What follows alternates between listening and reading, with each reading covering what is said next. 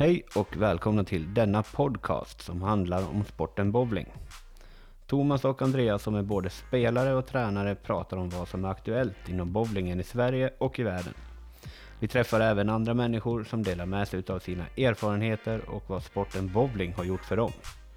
Men nu kommer nästa avsnitt av Hur fan kan den stå?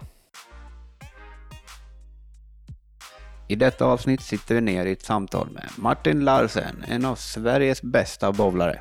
Vi pratar om hans liv som proffsbowlare och när man brinner av eller blir förbannad i stundens hetta som jag tror att eh, de flesta känner till att det händer en själv. Vi tar upp lite historier om från PBA-touren och mycket annat såklart.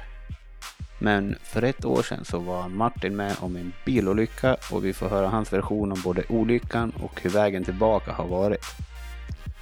En annan grej är att han tyckte att vi var ambassadörer för bowlingen och vi glömde tala om till honom att han är en större ambassadör och inspirationskälla till många bowlare och bowlingen i Sverige och i världen.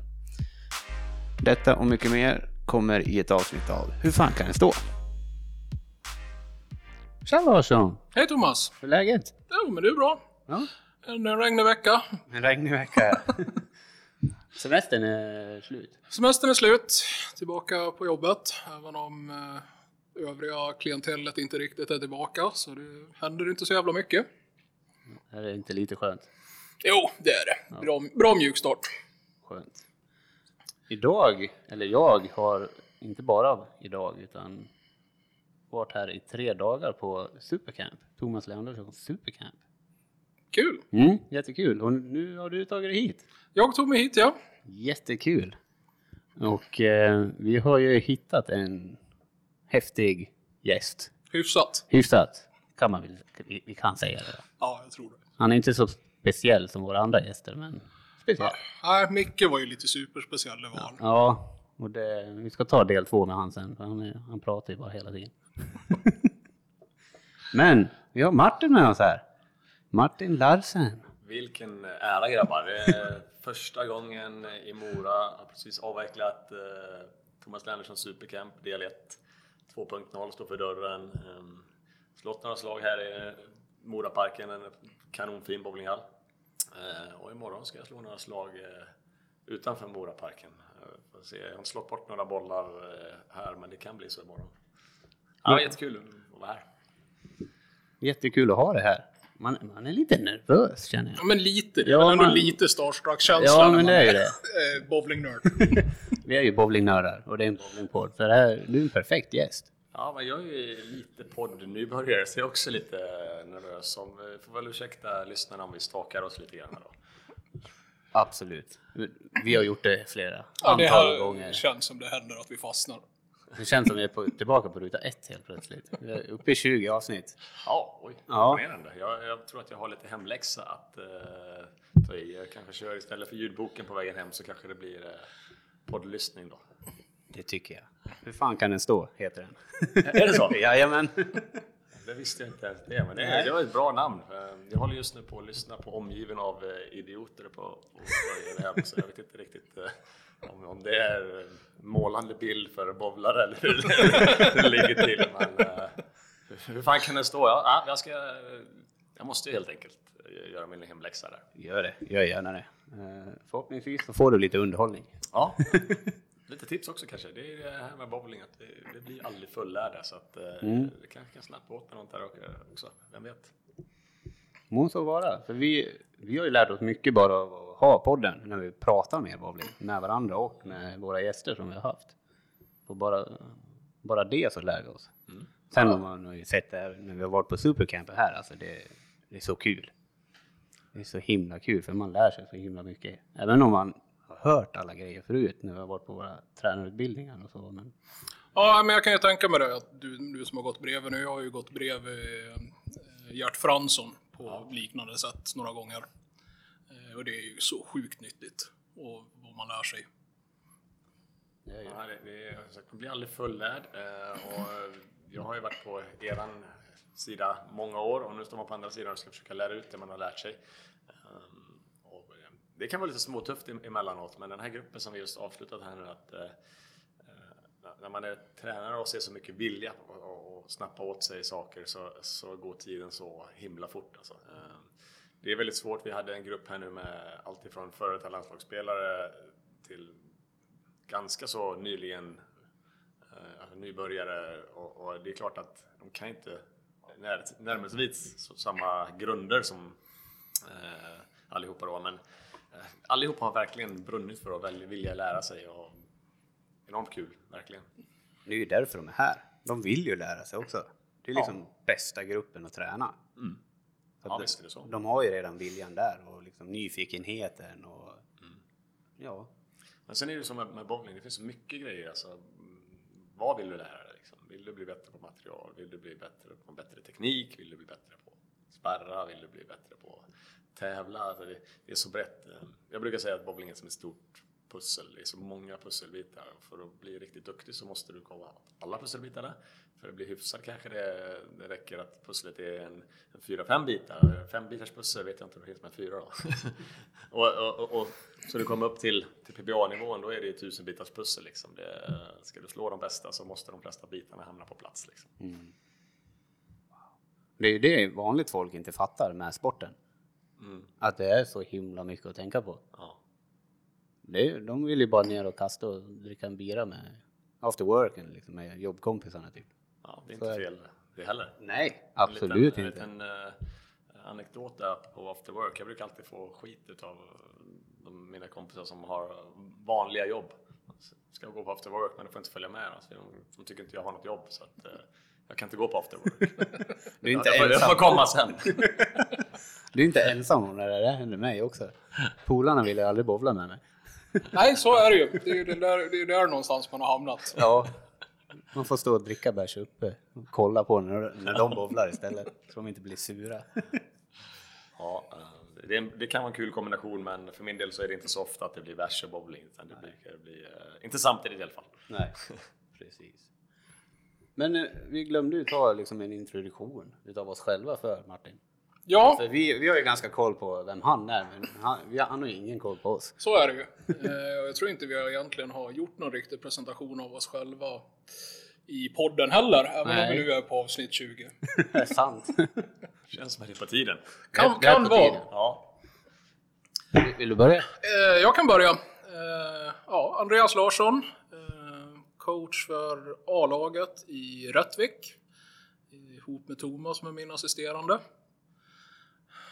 Hur länge har vi kommit fram till att jag har bowlat? Sju eller åtta år. Så ja. jag började sent. Ja. Eh, och kom väl någonstans fram till att jag började alldeles för sent för att eh, bli så bra som jag egentligen skulle vilja bli som spelare. Så jag riktade in mig ganska mycket på att bli tränare istället med material och ja, som sagt gått bredvid Gert, gått någon utbildning hos Svenska Bowlingförbundet och så försöker bli så bra som möjligt där istället. Även om man även vill bowla bra såklart.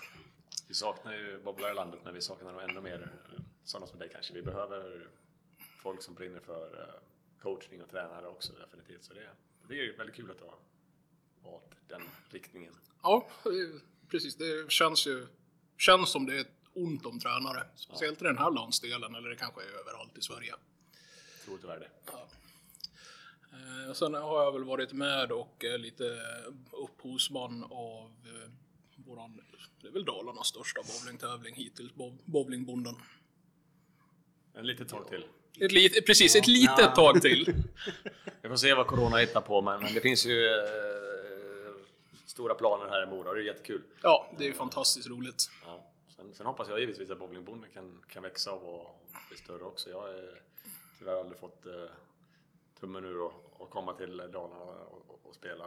Det var faktiskt som vi satt och snackade om det, jag tror under min, hela min karriär så tror jag aldrig jag har spelat bowling i Dalarna. Det är helt uh, otroligt. Ja, det är faktiskt otroligt. Ja, det, det, säger väl lite kanske om mig, men tyvärr säger det lite kanske om uh, hur stor sporten har varit i Dalarna också tyvärr. Men det är ja. på väg åt rätt håll, det är kul. Ja, vi hoppas det. Mm. Vi är ju ändå några stycken som brinner numera och har hittat varandra och kan samarbeta. Så det är ju bra. Absolut. Jag, inte, jag ska inte ta ordet för den här. Så, eh. Nej då, det, jag, tror jag, jag tror jag känner mig ganska klar. Ja, eh, då är det jag. Eh, jag började bowla här i Mora när hallen byggdes 2010.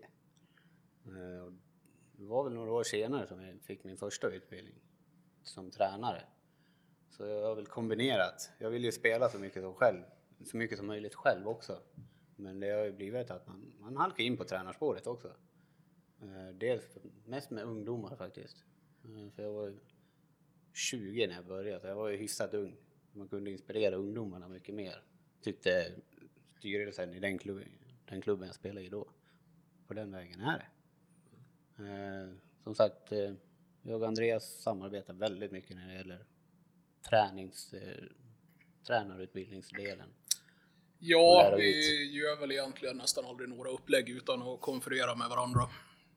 Ja, det är kanon. Jag, tror- alltså jag, jag tror ju anledningen till, till eh, det går upp och ner i olika städer med, med bowling så, så är det eldsjälarna är, eh, det är A och O. Eh, finns det inga eldsjälar då kommer det med tiden att dö, även om det kan vara elitlag och allt vad det är. Så. Tappar man coach, tränare, eldsjälar, hallchefer som, som brinner för det, då går det ner och likadant åt andra hållet. Nu, som sagt, jag kan väldigt lite om bowling i Dalarna och jag ska väl spela förhoppningsvis min första elitseriematch här om ett tag i eh, eh, Ludvika. Du var inte med dit när de var där? Nej, då Nej. var det andra, andra uppgifter på, på bowlingbanan.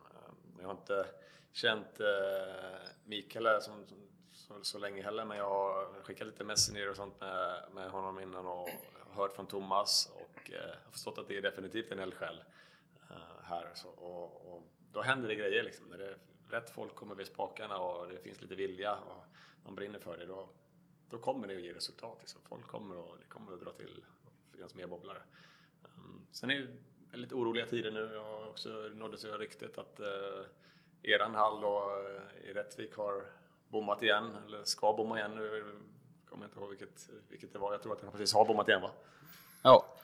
Uh, och det är ju ett stort steg tillbaka, det är jättetråkigt. Förhoppningsvis uh, kan man ändra på det och Ja. hitta någon lösning på... För, förhoppningsvis är det ju inte för, för alltid. Nej, eh, exakt. Så att, eh, ja, ja, men det, är- nu får man fått lite mer personlig relation med Dalarna och, och kan följa det lite mer och hoppas att det kommer fortsätta åt rätt håll och att jag kan komma hit i december och spela eh, Europatour då. Det hade varit häftigt. Det skulle vara skitfränt.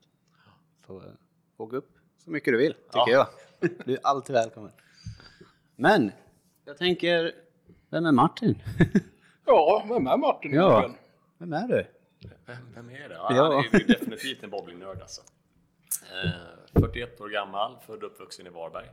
Eh, liten eh, västkusspärla 45 minuter söder om eh, Göteborg. Eh, Sportintresserad i allmänhet. Jag spelar fotboll, jag spelar innebandy, jag sköt ett gevär, eh, jag testade lite allt möjligt. Men det var framförallt fotboll, innebandy och, och bowling för en lång tid så kombinerade jag det där.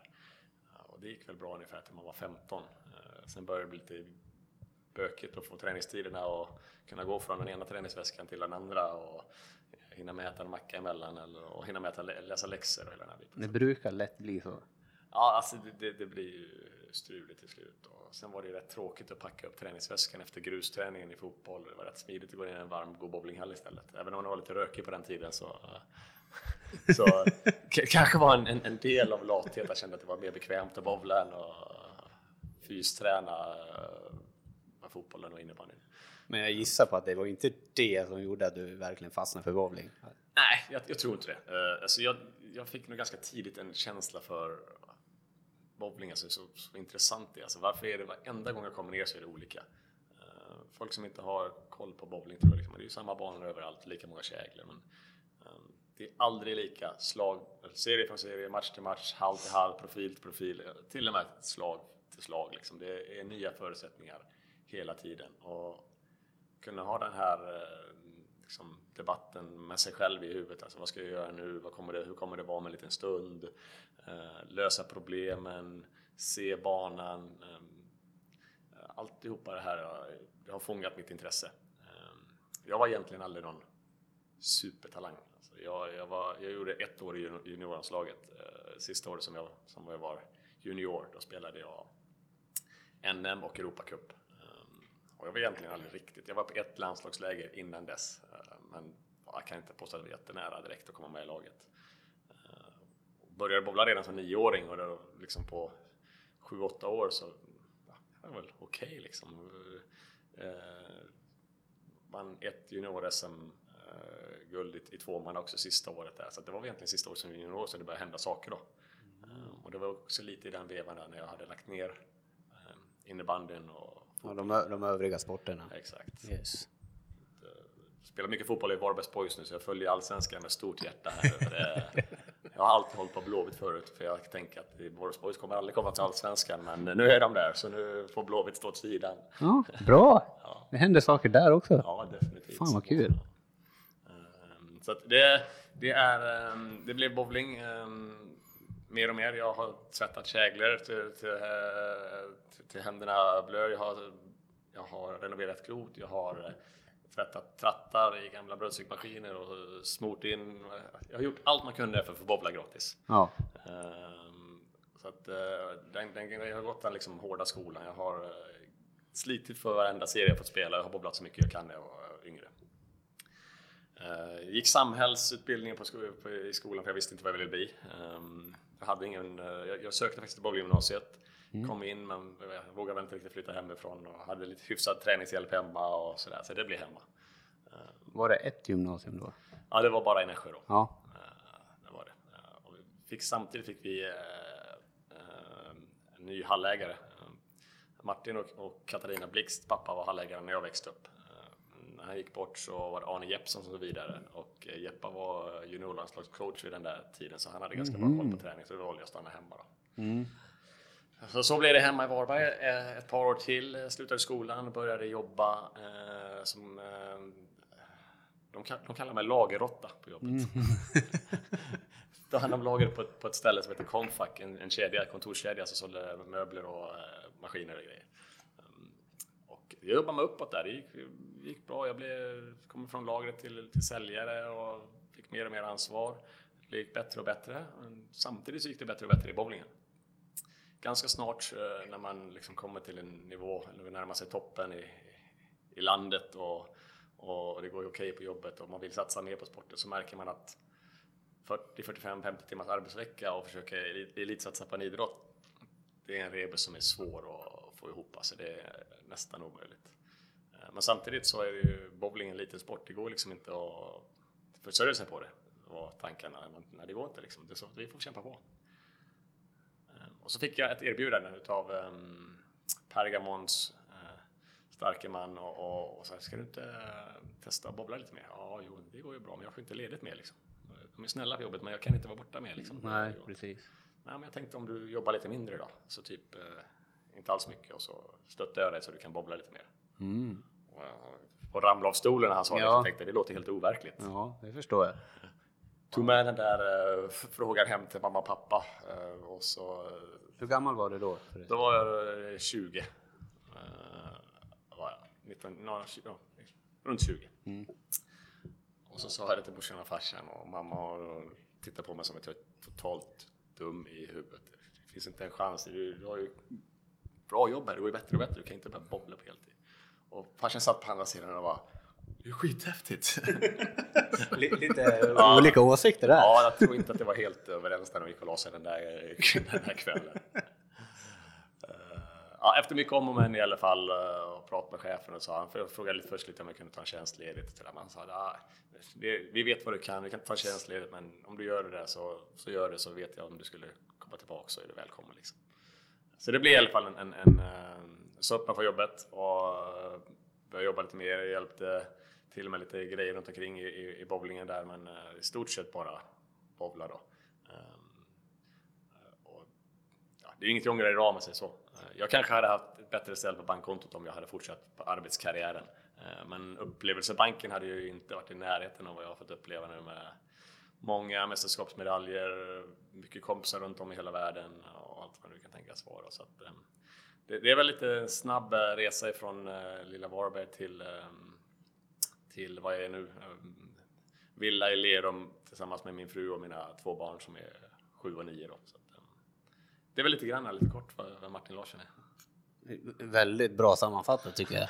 Fantastiskt. Ja, otroligt bra. Jag be- jag behövde inte ställa mina frågor om det. Då har vi betat av en bit på listan. Det är jättebra. Kanonbra. Men om vi tar eh, baksidan utav eh, din karriär. Då? Liksom, hur har det varit att vara borta från familjen nu när du lämnar dem på slutet här? Liksom? Vad, hur har de haft det? Så. Ja, exakt. Jag har nu varit hemma i lite över fyra månader. Jag har aldrig varit hemma sen jag slutade skolan så, så länge tror jag. Så det har ju varit eh, skönt för det första. Nej, alltså min fru Diana, hon är ju eh, från bowlingdelen. Hon gick bowlinggymnasiet och hon, vi träffades genom den, den biten. Och jag tror att eh, för det första skulle jag inte vilja ha någon annan, annan fru, men jag tror inte att det finns många andra som hade stått ut med eh, det man gör om inte man har något intresse för det jag håller på med. Mm. Jag tror att det hade varit svårt att få förståelse för att åka iväg på så många tävlingar, så många träningsläger och alltihopa. Eh, om inte man hade haft en, en fru som verkligen förstår att man älskar det man håller på med. Mm. Eh, så att det var väl svårt att, att, lämna henne när vi var flickvänner, men, men det är klart att det blir bra mycket värre sen när man uh, får barn. Och, uh, I början är det jobbet när de är väldigt små, men perioden senare, där var ju det värsta tycker jag, när de börjar att ja, storgråta när man står vid dörren mm. och säger hej då. Uh, då är man inte tuff. Alltså, då har jag Nej. tänkt många gånger, det är inte värt det. Det är inte värt det, liksom. det nu är det dags för ett 7-4 jobb så jag kan vara hemma. Och, ja. Och hela den här biten. Så Baksidan är definitivt eh, all tid man är iväg från familjen. Mm.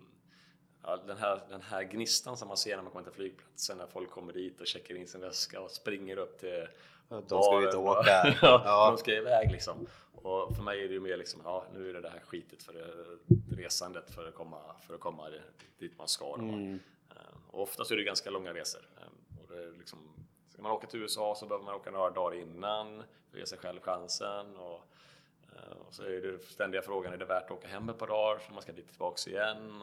Så resandet är, det tär, mm. helt klart. Det är, det är, det är baksidan. Ehm, den stora baksidan. Sen är det ju det är många timmar. Alltså det är, man tänker, vad gör du när du är ledig? Så, men det känns inte som jag är ledig. Jag planerar resor, jag mm. tar hand om pappersarbete, man, man, man kollar nya klot, man tänker layouter, man funderar vad man ska träna på. Det är Bowling 24-7 liksom ja, jag tänker bara resorna. Alltså, det är ju liksom inte bara åka, det är en jädra massa planering som krävs. Ja, det, man, har ingen, man har inte råd att ha någon sekreterare direkt och man har inte råd att bara ta första bästa första klassbiljett heller kan jag säga. Så det gäller ju att man håller på och, och letar lite grann vad, så man kan komma undan och hålla ner kostnaderna för att eh, bowlingen är ju fortfarande en, en ekonomiskt sett en B-sport. Alltså det, det, är svårt att livnära sig på det. Utan stöttning från sponsorer och sånt så är det väldigt, väldigt få som klarar av det göra något. Så det, är lite, det är lite synd. Förhoppningsvis är det på väg åt, åt rätt håll. PBA är lite mer åt rätt håll. Ryktena från World Bowling är att det kommer bli lite bättre generellt. Och, ja, vi får väl se, men, men eh, det är inte guld och gröna skogar att vara bowlare bara, men det är, det är en ära och ynnest att få hålla på med det man, man älskar. Liksom. Det förstår jag verkligen. Eh, det var någonting jag tänkte på när jag kom av mig, som vanligt. det var ju första gången det var inte. Nej, det är alltid no några gånger varje avsnitt. Ja, ja, nej, nej, men eh, det här med, har du inte fått med dig familjen på någon resa? När du har åkt iväg? Faktiskt, de, har, eh, de var med mig. Vi hade nästan en fullträff där. Eh, för några år sedan så, så spelade vi två, tre tävlingar i mitten av landet och sen skulle vi spela i Las Vegas och däremellan så hade jag en vecka ledigt. Egentligen så, så de andra inte ledigt för det var Tournament of Champions och jag har inte ja. lyckats vinna någon där ändå, så då får jag ledigt. Eh, så då flög, vi, då flög familjen över tillsammans med min eh, mor och far. Då spenderade vi en, en fyra, fem dagar i Florida på, på Disneyland och så flög vi därifrån till eh, Las Vegas. Och den tävlingen som var innan de kom så var det Player Championship, vi gick till TV-final. Mm. Så det var ju väldigt häftigt. Och tyvärr vann jag, jag tror att det var den gången jag fick stryk av Pete Webber på, mm. uh, på TV. Och så hade, åkte dit och hade kanon, så flög vi till Las Vegas. Uh, och det var just precis Masters. Och efter det så var det världstourfinal. Och den hade jag, det var på den tiden när jag var och ledde världsrankingen, så där visste jag att jag skulle vara garanterad att spela. Uh, så det är alltid svårt med lite småbarn i Las Vegas och sådär, men det är i alla fall kul för dem att, att se hur sjuk den här stan är och samtidigt få se lite grann av mitt liv här. Och morsan och farsan var ju kanon. Pappa är en riktig bowlingnörd så han tyckte jag var kanon. Och det gick jättebra i, i Masters också, så jag kvalade in till den TV-finalen också. Uh, så då var det ju liksom, peakade verkligen min, uh, min karriär. Just då, man kunde ha med familjen, kvala in till TV-finaler lite grann då och då, vilket är för, förstår man nu att hur jäkla bra måste spela då för att det är, det är svårt. Ehm, så att, det är sjukt svårt. ja, det, det kan, man kan inte gneta sig dit. Nej, mycket som ska klaffa tror jag. Ja. Verkligen. Och ta rätt beslut och allt möjligt. Men då, då hade jag för mig familj, familjen med. Men det generellt sett så annars, det, det är helt enkelt, det, det kostar för mycket. Eh, Man tjänar för lite pengar från, från bowlare. Så om inte Diana, min fru, hade haft ett jobb här hemma så eh, man kan definitivt inte för, försörja en hel familj på, på mitt bowlande. Jag är för dålig för det. Belmo kan det och, och, och några till, men eh, inte jättemånga. Så att, eh, Diana är lärare, så hon får vara hemma och, och ta hand om eh, barnen och, och, de här. Och tack och lov så har jag lite bra släktingar också som gillar att vara uppe och hälsa på och ta hand om, om mina barn när jag är borta. Så att, eh, det blir tyvärr inte jätteofta de får följa med. Jag, tror, jag hoppas du visar uppskattning till dem. det tror jag nog att du gör. Jag försöker, Verkligen. jag- jag försöker. Det låter som det. Eh, Det, det är eh, lite grann så här är det också att ju, ju, ju, färre gånger du ses, ju mer spännande och roligare och bättre är det när du väl ses. Ja, Så jag kan när tänka man väl mig gör det. så kanske man uppskattar det lite mer än, än om, om säger, en vanlig Svensson-familj som ser varandra varje dag, dag ut och dag in. Eh, Så det finns bra grejer med, med det där också. För och nackdelar Ja. såklart hela tiden. Exakt, så är det. Jag bara längtar tills du vinner någon gång. Fan alltså, jag har sett alla tv-finaler tror jag, när du har varit med och liksom bara, "Va? Va? det är så jävla nära. Ja, ja, det har varit eh, riktigt nära ett par gånger. Ehm, om jag kommer vinna eller inte, jag, det, det här corona-breaket som kom nu, alltså jag, det är klart att jag inte ville att corona skulle komma, men jag har tagit det positivt och för min del så kom det liksom i ett bra läge. Jag behövde lite break. Jag, jag började tvivla på mig själv efter eh, operationer och olyckor och annat. Jag kände liksom att jag, jag behövde, ska jag göra ett frest till och, och verkligen försöka få den där titeln så, så tror jag det här var ett bra break. Och nu har jag börjat att bryta ner och försöka ändra lite grann så får vi se om jag får ordning på det eh, tills det drar igång igen när det nu kan tänkas göra det. Eh, Men samtidigt så är jag också realist. Alltså jag vet om att min inställning till bowling har varit när jag började åka från familjen. Liksom, jag vill inte åka någonstans och känna att jag är, inte har en chans. Så jag har hela tiden försökt se bowlingen brett. Alltså jag, eh, landslagsgrejer, alltihopa. Jag liksom vill vara en, en faktor liksom, var jag än kommer. Eh, är det spel på ribba 3 eh, så vill jag klara det. Är det spel i ribba 30 så vill jag klara det. Ehm, allt sånt här. Och det har gjort att jag har höjt min, min lägstanivå har ju varit väldigt, väldigt hög under under ganska lång tid. Men jag kanske saknar den där lilla liksom esset i rockarmen. Eh, eh, då. Det är ju eh, det, det är eh, definitivt eh, många proffs har grejer som de är jättebra på. Nu sit- Nu sitter Mikael och visar video från igår när jag tränade här och det var allt annat än bra alltså. Så, Tack för den energiboosten. Tack. Ja, alltså det, det är, om man- kollar till exempel på en av mina kompisar som åker med, Jesper Svensson. Och liksom, alltså, ska, vi slå ett, ett, ett snitt på våra placeringar så kanske det blir ungefär likt. Eh, Men jag slår ju han i kanske fler tävlingar får stryk, men när jag får stryk så vinner han. Eller, eller kvalar in. Eh, Han är ju superbra när det passar. Eh, Och jag tror att hans lägstanivå kommer, den har blivit mycket högre och den kommer bli högre och högre hela tiden. Eh, och det finns så många duktiga nu på, på proffstouren som är riktigt bra på någonting. Eh, har man inte det där speciella, speciella så, så um, allt måste klaffa liksom. Du, du måste spela bra, du måste ha rätt material, du måste ta rätt beslut. Eh, så det, det blir eh, svårare och svårare. Man blir inte yngre heller. Alltså, så det, det, eh, jag hoppas, levet, hoppet lever, men, men eh, samtidigt så skulle det vara så att jag inte lyckas vinna den här titeln så, så um, jag kommer fortfarande vara enormt eh, nöjd och stolt med, med min karriär. Liksom. Men, eh, Oh ja, det ska det vara. det, det, det är visst inte utan att man får höra den där. eh, Och det är ju skönt, skönt att höra att folk skulle vilja att man, att man vinner någon gång. Men eh, det är ingen som kommer ge bort det för den sakens skull. Nej, Nej, så är det ju såklart. Om, om det vore så väl, då skulle väl många åka och spela om man får en titel liksom. Ja, Då är det ingen, då är det inte, då är skärmen borta. ja, ja lite så är det. Det är därför vi håller på med det här också, för det är just tävling och man vill lösa allting och man vill klå de bästa. Ja, så är det definitivt. Jag har ju fått och valt att tycka att Lucky Larsen-smeknamnet är, är, är helt okej, men samtidigt så har jag haft lite stolpe ut får jag säga i de här fallen. Jag har eh, jag vann i, jag tror jag vann i Kuwait året innan det blev världstour och PBA-titel. Eh, jag vann i Saudi året innan. Eh, året när det blev så blev jag tvåa. Eh, första året nu efter eh, Euro Challenge inte var PBA Tour titel. Då- då vann du den. Så jag, jag vet inte, jag ser lite, jag måste vara lite allergisk mot PBA-titlar. Jag vet inte, jag försöker, försöker allt jag kan för att, för att värja mig från dem. Jag lyckas ganska bra. Men hur fick du smeknamnet Lucky Larsen? Ehm, det, jag, får, kan- jag får tacka min vapendragare Robert Andersson för den. Ehm, Vi spelade en Europatourtävling i Belgien för, nu vet inte exakt vilket år, men ganska många år sedan. Ehm, och eh, det var ett ganska namnkunnigt fält. Det var, de, många av de bästa var där. Ehm, det var ett, jag kommer ihåg 13-14 000 euro i första pris. Ehm, det var ett, jag tror det var topp 16, jag mötte en tysk. Utslagsmatcher. Tre rutor kvar. Jag är körd. Jag måste strika ut. Han får inte spärra. Någon ruta utav tre. Så det är ju liksom, ja, ja, det, jag hade ju knappt satt en strike. Strike i åttonde, han fick tian kvar i, i åttonde, missade den. Jag strikade i nionde, han fick tian kvar i ruta nio, missade den också. Nu är det liksom helt plötsligt, ja, ja, ja han måste ju, först och främst så måste jag strika. Vi snackade att jag strikade ut från ruta åtta för jag jag kom inte hög 180, 190. Så jag hade ju ingen bra läge innan liksom. Lyckas i alla fall pilla dit de där tre striken och så då måste han gå upp och täcka. Då fick han fyran kvar. Tänkte, ja, men det där tar han i alla fall. Men här då, han var för nervös. Så han brände den också. Så han kör tre nio missar på raken. Och kör fem strike efter att ha jättedåligt spel. Wow. Uh, vinner den där matchen då, vad- hade jag åkt ut då så kanske man hade fått en 500-600 euro eller någonting och känt att ja, det var väl mediokert.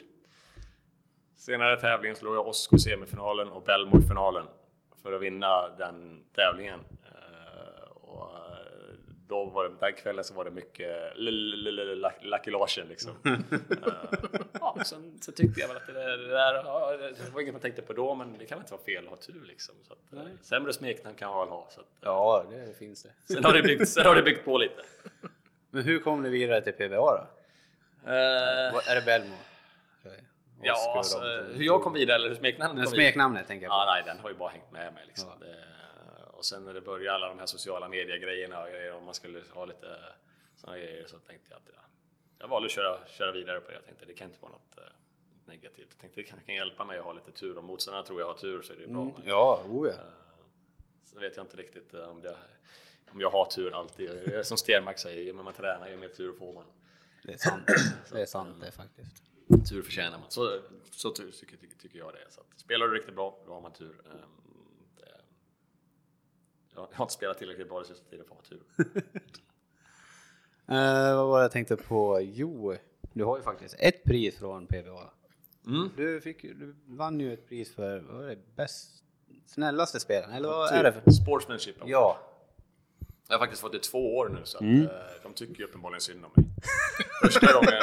Första gången Det är så du ser Ja, första gången var så hade jag en dålig säsong och då, då tyckte de väl synd om mig. Så då, och nu när förra gången jag fick det så var det, jag slängde mig framför eh, en, en bil och tyckte de synd om mig igen. Så att, eh, jag tänkte något ska han ha i alla fall. Så att, Nej men det är väl klart att det är ingen nackdel att få utnämnelse som säger att man är, eh, att man är en trevlig person och inte något arsle liksom. Eh, det är ingen PBA-titel men, men det är inget som skadar och det är trevligt att få definitivt. Så att, och det är sånt som, som ibland när man, när man försöker förhandla kontrakt och andra grejer så är det ju givetvis bra att de vet att det är en person som normalt sett inte har så många ovänner. Mm, såklart. Ja, Det är kul helt klart. Olyckan. Hur fan gick det till? Och hur fan kunde du återhämta dig så snabbt? Stark vet du. Småbilar klarar jag, det är värre om det varit en stor bil.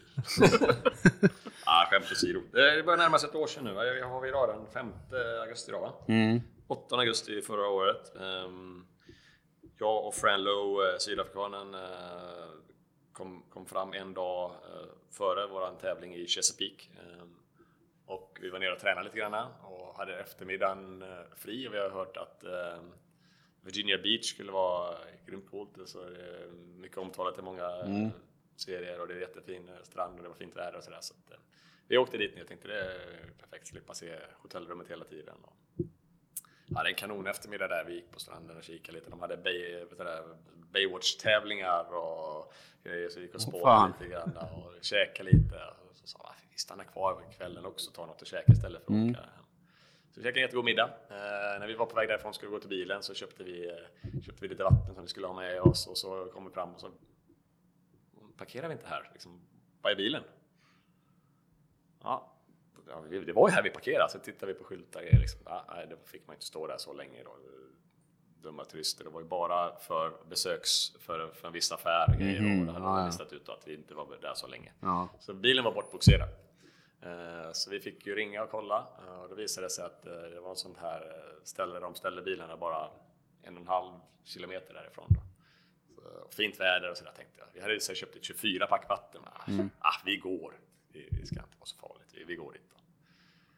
Då. Eh, Och på vägen dit och så ska vi korsa en trefilig, eh, en trefilig enkelriktad väg. Ehm, Och vi står och väntar på att det ska bli våran tur. Vi står ganska länge. Och de får rött och grönt om vartannat x antal gånger. Och, eh, så kommer det två bilar eh, och stannar, så de får rött. Och då tänker jag, nu måste det vara våran tur. Så vi, vi börjar knata, vi liksom börjar bli trötta på det där.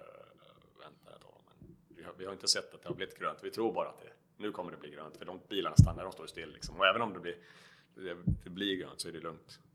Men det var som sagt trefiligt. Eh, Och i den tredje filen var det ingen bil när vi började gå. Men det kom en i, i full kareta. Eh, Och då var vi mitt i vägen. Jag bar en 24-pack på axeln så jag såg inte riktigt bilen. Fran hann precis över.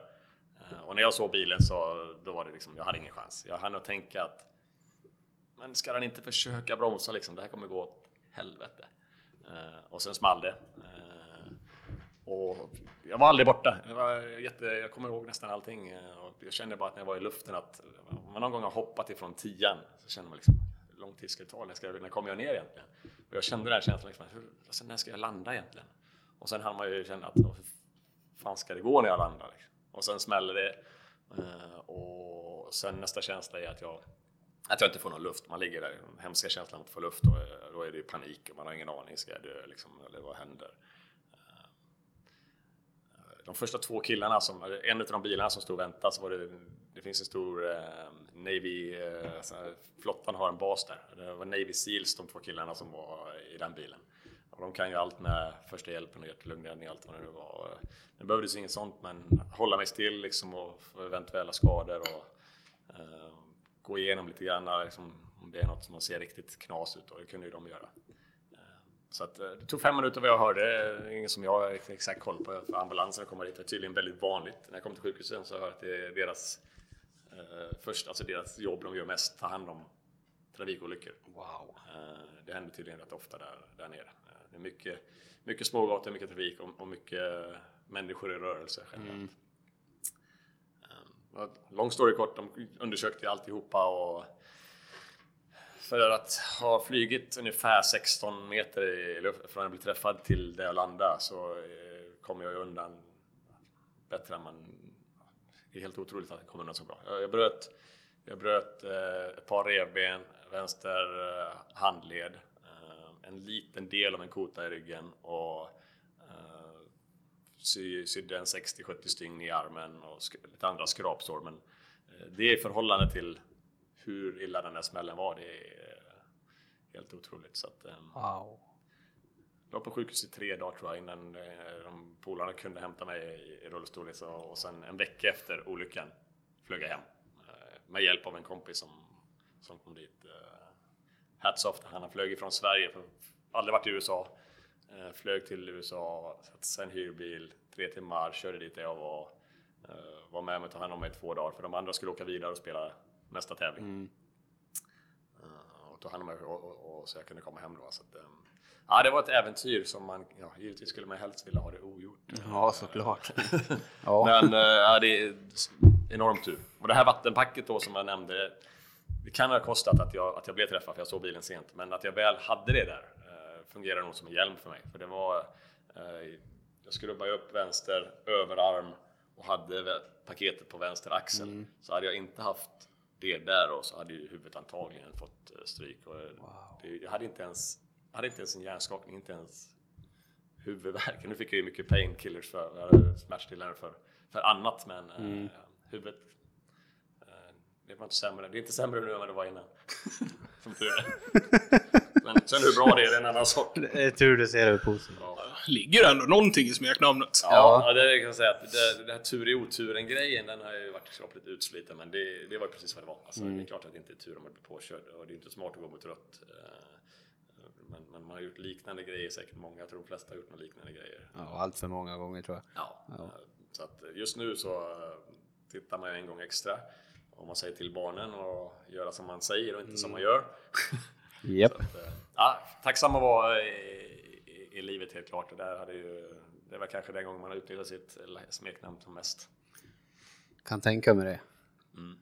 Rehaben då? Hur, hur var det? Ja, det är tråkigt. Rehab är tråkigt. Ja, vi har en polare som har opererats antal gånger. Han har varit med i podcasten också, Jesper. Ja, Jesper ja. Var det han så igår kanske med gips runt foten? eh, Nej då, det är det inte. Han eh, var väl var väl väldigt lovande fotbollsspelare. Så Fantastisk sporttalang. Ja. Eh, Men drog väl av eh, knät i, jag vet inte vad kan ha varit, 16 eller vad sa han? 15, 16 någonting sånt. Ja. Eh, Och det där blev ju inte riktigt bra någon gång. Så där, jag vet inte, tre eller fyra gånger operera och rehabba. Ja, rehab är ju...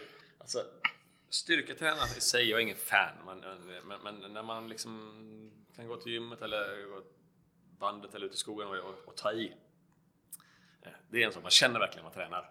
Men rehabträning är ju liksom, det är så mesigt. Och du, du känner, ska jag verkligen, kan jag inte ta en liten genväg? Måste, jag ta, måste jag börja med den här lilla, lilla fjuttvikten eller de här övningarna utan vikt? Eller kan jag inte liksom det borde gå fortare men kanske ta lite, lite vikt. Man är så lockad att, att ta genvägar.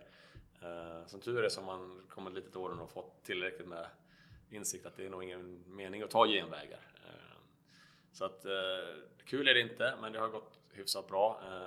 Jag känner mig styrkemässigt nog starkare nu än vad jag var innan tror jag. Och det kanske är corona en del att tacka också. Man har kunnat träna lite hårdare fysiskt nu än det var innan. Så att, och sen hade jag ju som sagt revbenet inte så mycket att göra åt, det är bara att vänta lite grann. Och armen var ju gipsig. gips i 6-8 veckor. Eh, något sånt där. Och, och sen, sen var det ju den som skulle rehabas eh, mest. Då. Så att, eh, återigen, förhållande till olyckan så är ändå ganska lite rehab. eh, Så att man, man tappar fort styrka och man tappar fort touch, alltså känsla i Ja. bowlingen. Alltså det, jag tyckte ja, men jag, efter ett par månader, nu känns det mig bra. Nu känns det mig bra. Men jag har fortfarande inte riktigt kommit dit jag var innan. Wow. Ja. Intressant att höra, verkligen. Men eh, om vi pratar träning då.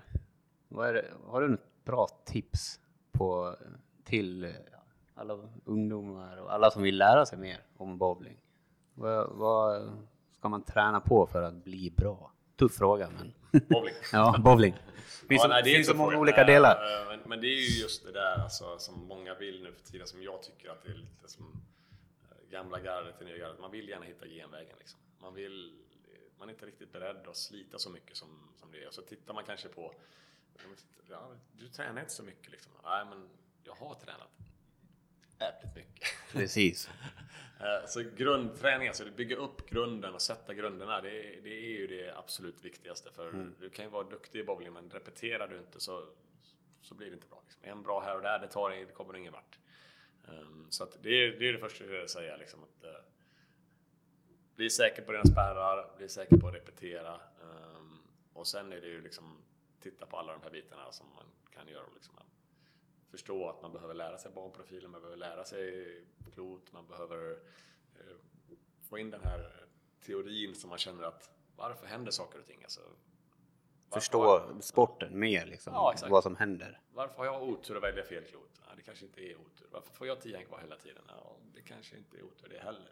Ehm, Men för det finns förklaringar, det har jag fått höra den här, de här dagarna och innan det här. Men det finns förklaringar till det mesta. Ja, du brukar göra det. Ja, Ja, alltså, jag, jag, det, det, alltså, det händer ju. Du menar, du kan sätta det perfekt i fickan få åttan kvar. Så det går inte att träna bort. nej. Det är ren och skär otur. Liksom. Hur fan kan den stå? Hur fan kan den stå? Ja. Är det åttan ni brukar tänka på då? Eller, eller det, är det Det femman? är individuellt. Nej, femman brukar det inte vara. Nej, men det... Ja, men visst är det så. Ryan torskade ju VM på den där. Och eh, jag hade ett år eh, när jag spelade tvåmanna VM med Thomas eh, mot Ryan Page och Patrick Allen. Vi ledde stort, men de strikade ut. Jag behövde dubbla i sista.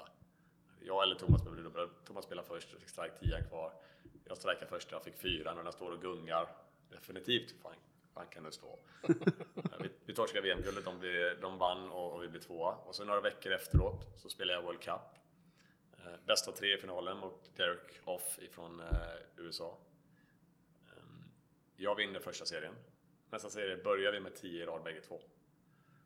Han slår ett skitslag och får en nia. Spärrar den. Och sätter den nästa. Och jag får tian kvar. Spärrar den, sätter nästa. 2,79. Roll off. Han vinner den och vinner nästa serie. Så inom tre veckor så hade jag liksom två slag. Jag tror aldrig jag slått om två slag så många gånger.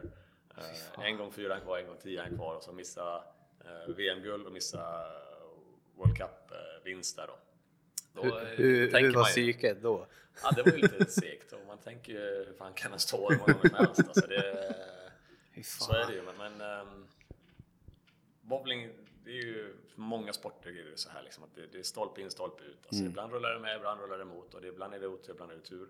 Ehm, Men jag vill ju påstå när jag tränar folk att 8-9 gånger av 10 så är bowling logiskt. Alltså det, det finns logiska val att göra. Eh, Och har du bra teoretiska kunskaper så vet du vad de logiska valen är. Annars så gissar du. Ibland gissar du rätt, ibland gissar du fel, men den som kan mer kommer vinna mer. Eh, Så är det. Ja, men då är ju inte din karriär slut. Den närmar sig. Nej, tusan. Erfarenhet, kunskap.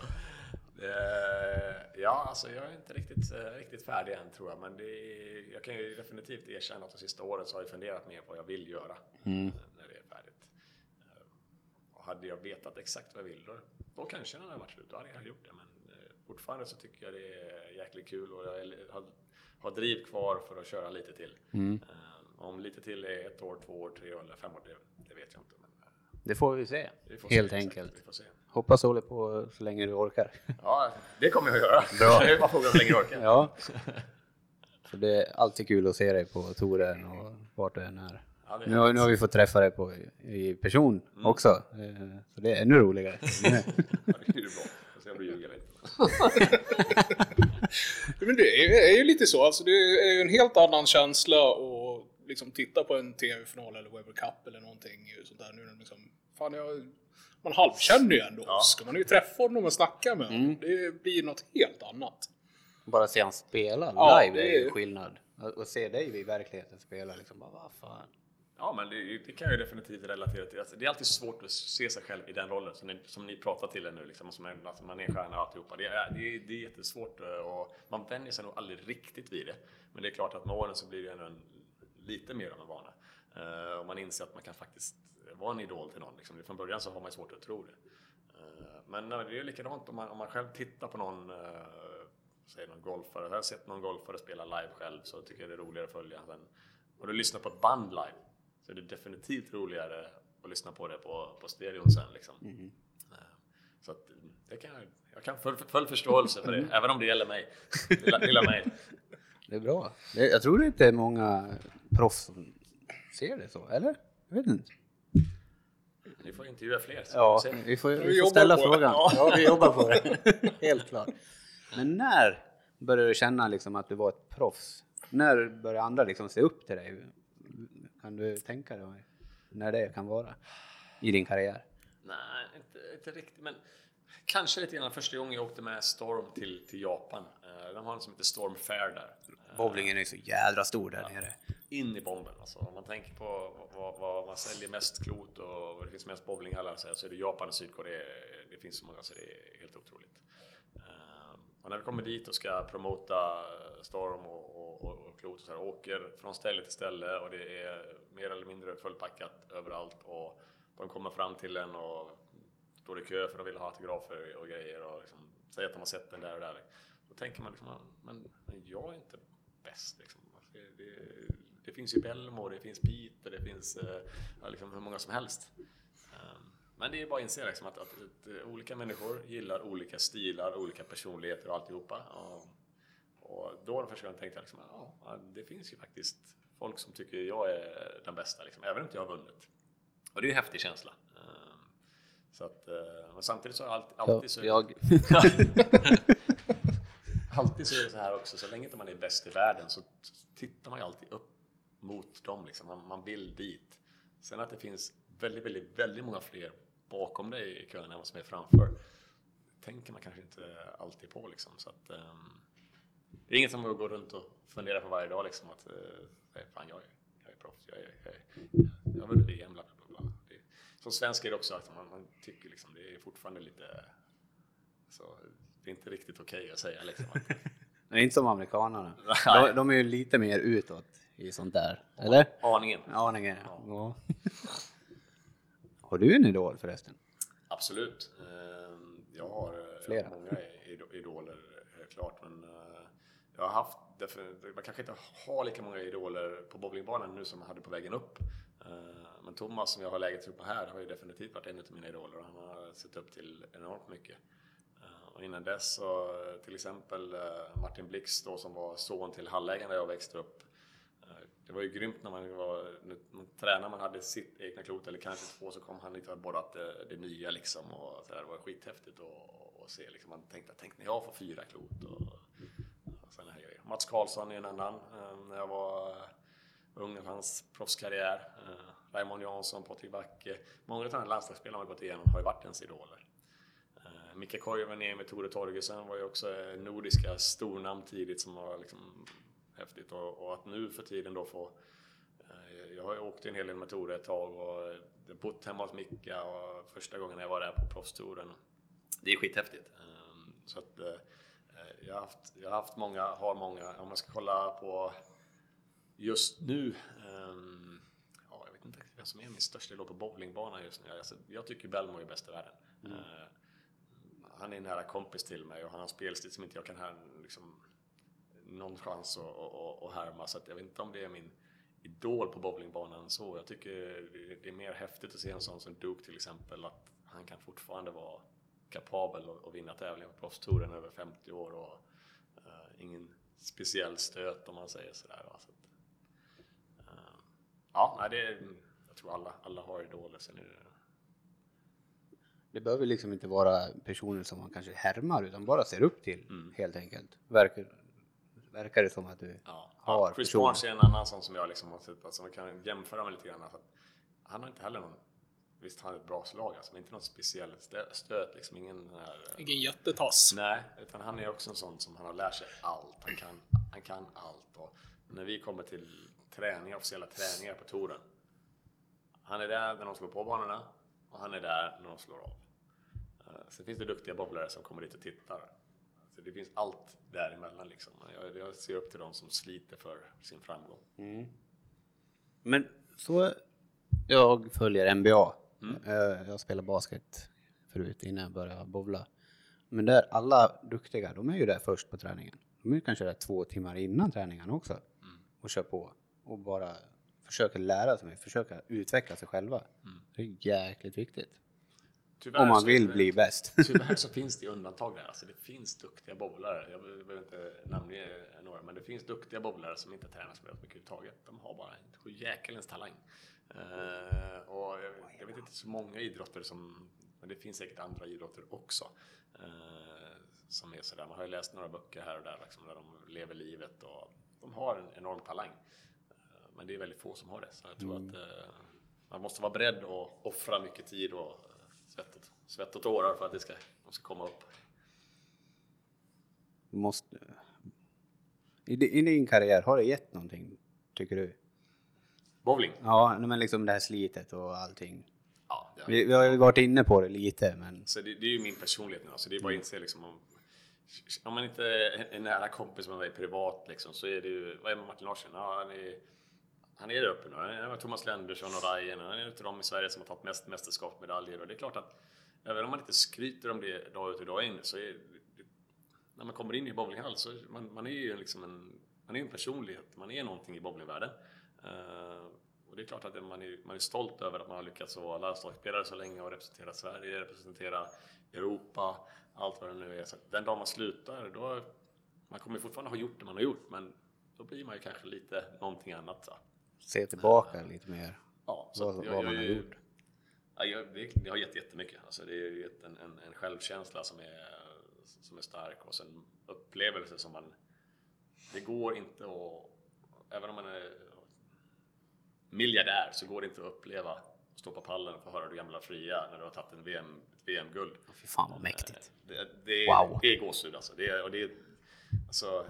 Jag har väldigt jättesvårt för att gråta men jag kan lika, lika lätt gråta när jag ser eh, en grym idrottsprestation som när jag ser något verkligen sorgligt eller eh, något då. Liksom. När jag sitter och kollar på TV och man, man ser liksom någon av de svenska eller någon som liksom, de har kämpat järnet och så vinner de liksom. Det, ja, det har jag svårt att hålla tårarna tillbaka. Så det, Ja, men man uppskattar det verkligen. För man, när man själv håller på och gnetar och man vet lite mer om vad det är som krävs. Mm.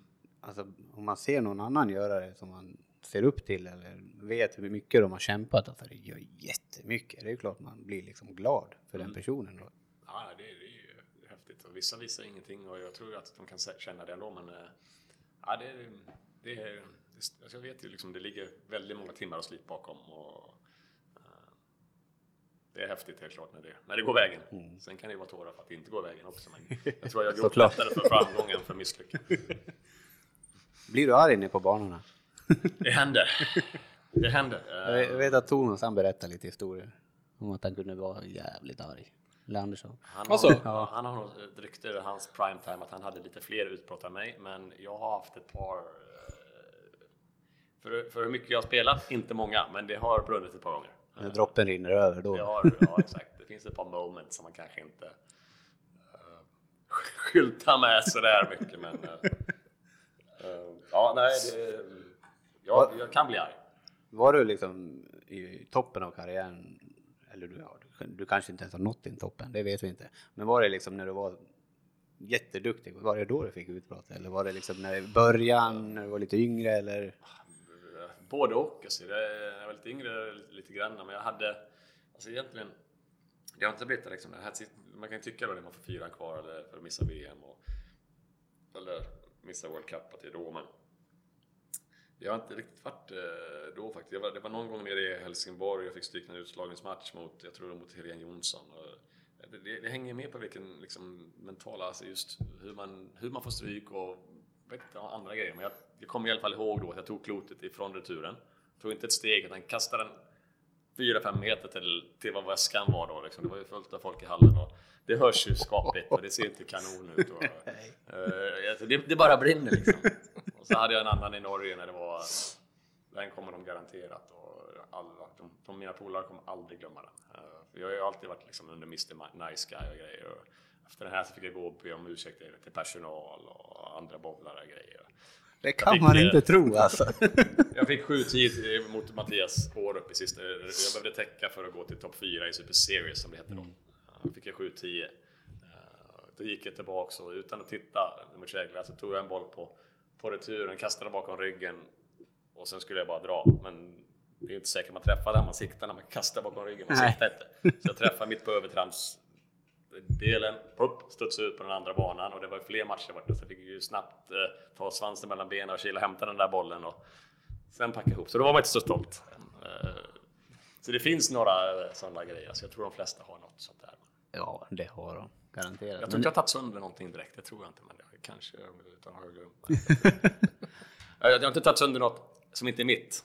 Jag, har, jag har kastat en av mina egna, nu när jag ändå håller på att blotta mig. Så jag, I Frankrike ett år åkte jag också ut och var i matchspelet. Det är alltid då det är som värst på något sätt. Men då åkte en boll i gatstenen utanför hallen där. Som, eh, det var dens fel. Um, och sen gick jag till hotellet, sura tag och sen gick jag tillbaka och kollade finalen. Då kommer det en liten kille med en skärva utav mina bollar och frågade om jag kunde signa den. Då fick man krypa till korset liksom. Att, eh, ja, det händer att man blir uh, arg, men jag, jag tillhör inte dem på, um, på, på toppen av den listan kan jag säga. Nej, det, det, det finns värre. Ja, Det finns en viss man i USA som har lite rubriker på sånt där. det finns många. Ja. Vad är det värsta som, som du har sett någon annan göra? Apropå detta. Apropå detta, ja. Alltså, Om du kommer på något. Utåt sett så har jag ju sett både Barnes och Simonelli rippa tröjor. eh, Så att de, så Ja, har det, det blev en eh, jädra nyhet sen Ja. när Simonelli gjorde det. Som det hamnar på, på video liksom. Och, utan det kan jag säga vad som händer i paddockarna. Det flyger ju trekroksväskor hit och dit och det, ja, det, det är liksom jag har sett folk som har kastat tre, alltså, flera tillfällen utanför, liksom, ute på parkeringen och eh, grejer. Så att, jag vet inte, jag, liksom, det är mest det, liksom, att utrustningen får sig en eh, rejäl smäll. Det är väl det som är eh, det vanliga. Ja. Jag såg Arturo i, jag har sett Arturo Quintero och, eh, slå sig blodig med stålborste och piska sig själv med ett skärp. Och, Wow! Han skyllde i alla fall inte på utrustningen. Han var så pass ärlig. Ja, det, Wow. Han kunde, han kunde brinna. Wow. Men det är ty, tyvärr är det mycket sådana sparka grejer och kasta grejer. Och, som, eh, det, det finns några stycken också som är väldigt duktiga på att slå sig själva. Eh, och det undrar man ibland hur de tar. Jag har sett folk slå sig själva ordentligt hårt. Ja. Ja, det finns ju oändliga stories. En, en, gubbe ja. som, en gubbe som eh, krökte ratten på bilen eh, i, eh, i USA. Och det, jag vet inte hur mycket man behöver ta i då, men jag, Då är man är arg. hårda. Då är man arg. Jäklar. Ja. Vi går vidare. Ja.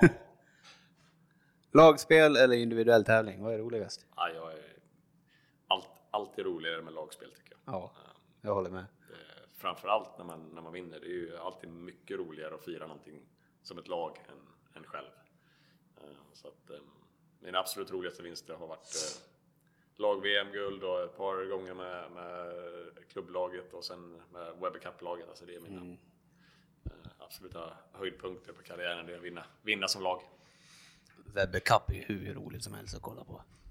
Ja, det är nog min favorittävling att följa. Det är faktiskt det. Ja, Ja, det är min favorittävling att spela också. Det är skithäftigt. Eh, En bana den banan ser alltid, jag kan säga den ser mycket smalare ut än en vanlig bana, även om det är en vanlig bana.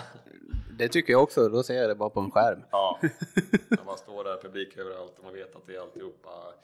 Det kan vara det häftigaste att vara med om. Eh, när man inte spelar bra så är det nog det värsta jag varit med om. Eh, det är Ja. hemskt att stå på den här banan med alla kameror och alla som tittar och alltihopa och inte vara riktigt säker på det man håller på med. Eh, Så att, eh, ja, den, är, den är underbar. Eh, Jag hoppas bara att de lyckas att få den där att växa lite så att det blir lite, lite större för den, den förtjänar verkligen att, att växa. Mm. Men det, inte golftävlingen som de kör, vad heter det? Ja, Ryder Cup. Ja, är inte den jäkligt stor? Jo. Tänkte att få det i samma storlek. Ja, det hade varit, Fy fan vad häftigt. Ja, någonstans i närheten bara hade Ja. varit... eh, så att, eh, ja, nej, det, den är, det, är en, det är inte lätt att komma med i det här laget. Och, eh, sen att Europa faktiskt, eh, nu kommer jag inte ihåg om det är exakt lika eller om det är jänkarna leder med en nu då totalt. Det är helt otroligt för så många mer bra bowlare som finns i USA. Eh, vi har många i Europa men USA är ju fullproppat. Så att, eh, Ja. det, har, det har varit en, en stor ära att få vara med där. USA vann senast va? USA vann senast. Och då Det innan ju- det så hade vi vunnit flera på rad va? Ja, Fem? Nej. Nej, vi- har vunnit de sista två åren tror jag. Mm. Jag var med för två... Går tiden så fort? Nej, jag var med för tre år sedan. Eh, Jag har lyckats spela sex stycken och vinna fem. Eh, Det är helt underbart Då är det dags igen då. Hallå? Ja, i år är det inte dags. Det- I år kommer jag inte med och jag kan inte, kan inte gnälla på det heller för jag tycker inte jag har spelat tillräckligt bra. Så att, ehm, nu, ska de väl ha en chans här nu då i ok- oktober. Jag hoppas att de kan skrä- skrälla lite grann. På pappret så, så är ju jänkarna asstarka. Eh, Sen är det ju också väldigt svårt nu när det inte är några tävlingar igång. Så folk kommer ju vara tävlingsotränade. Ja. Det kommer, kommer bli ännu roligare att kolla. Ja, exakt. För oss nördar i alla fall. Ja, Oh ja. alltså, jag kommer ju definitivt följa det också och heja på mina Europakompisar. Du får hälsa till dem. Vi står bakom dem. Ja, det är bra. Uh, ligaspelet. Ja. Hur kan Pergamon ha blivit så jävla bra? Jämfört med alla andra. vad, vad är det ni har gjort annat, tycker du, jämfört med de andra lagen? Ja, för det första så har vi tränat ordentligt hårt. Ehm, Mycket grundträning, mycket slit. eh, Inte lämnat någonting åt slumpen. Sen har vi haft en, en, eh, en ekonomisk förutsättning som gör att vi har kunnat fokusera på bobbla. Inte behöva eh, försöka dra in en massa eh, andra grejer utan vi har liksom, har vi, har vi behövt lite extra träningshjälp så har vi kunnat få det. Vi har inte fått massa pengar, eh, men vi har haft möjlighet att träna, så det har ju hjälpt till. Sen är det, tror jag det, det blir som en spiral liksom. När folk, man har några stycken duktiga på samma ställe så är det fler, folk dras dit liksom. Man vill spela med de bästa och man vill... Så när det väl började blomma ut så, så fick ju dragningskraften en hel del liksom. Att Mm. Folk som ville satsa kommer till oss. Så att jag, tror, jag tror det är den stora grejen att det, tränar man och umgås med bra sp- spelare så smittar, smittar man av sig liksom. Ehm, så det är väl eh, definitivt eh, en, en sak utav det. Och sen, ja, det, det, var hårt slit. Helt klart. Så att, eh, och sen har vi, som sagt, det är ingen stycke under stolen med utan vi har haft en, en sponsor som gör att vi har kunnat ibland bjuda in lite utländska spelare som var med och, och de har ju hjälpt till helt klart. Så de, drar inte, de kommer inte dit med och liksom bara spelar och, och liksom bidrar med poäng till laget, utan de har ju kunskap också. Absolut. Det absolut. smittar ju av sig bara att få deras kunskap. Ja, det är lite kul. De spelarna som kommit hit har inte tjänat några som helst pengar på, på att komma hit. Utan eh, de har fått sina resor och uppehåll eh, betalt. Men de har kommit hit för att de vill testa svensk liga. Så det är lite häftigt. Mm. Det är något som inte Ni har väl pratat mycket om det på touren och sånt där i USA? Alla tycker det är kul att spela när folk hejar på en.